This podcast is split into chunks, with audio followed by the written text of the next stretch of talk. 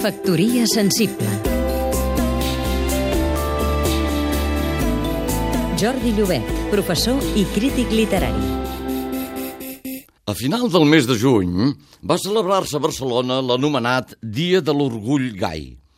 S'hi van desenvolupar dues menes d'actes, uns més aviat culturals, amb col·loquis i conferències, i uns altres d'espectaculars, bàsicament una cavalcada o una rua que envejaria fins i tot el Carnaval de Rio.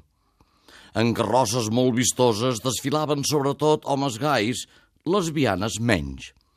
Aquests gais anaven quasi conills, o sigui, despullats, fent ostentació d'uns cossos treballats per interminables sessions de fitting i de gimnàstica.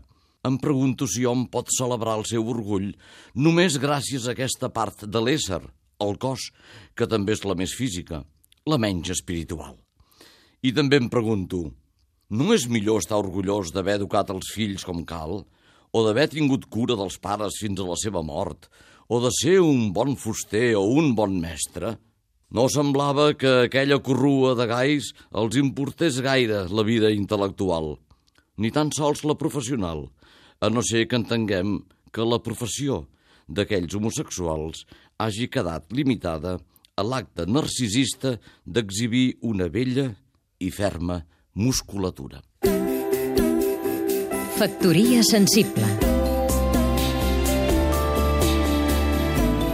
Seguim-nos també a catradio.cat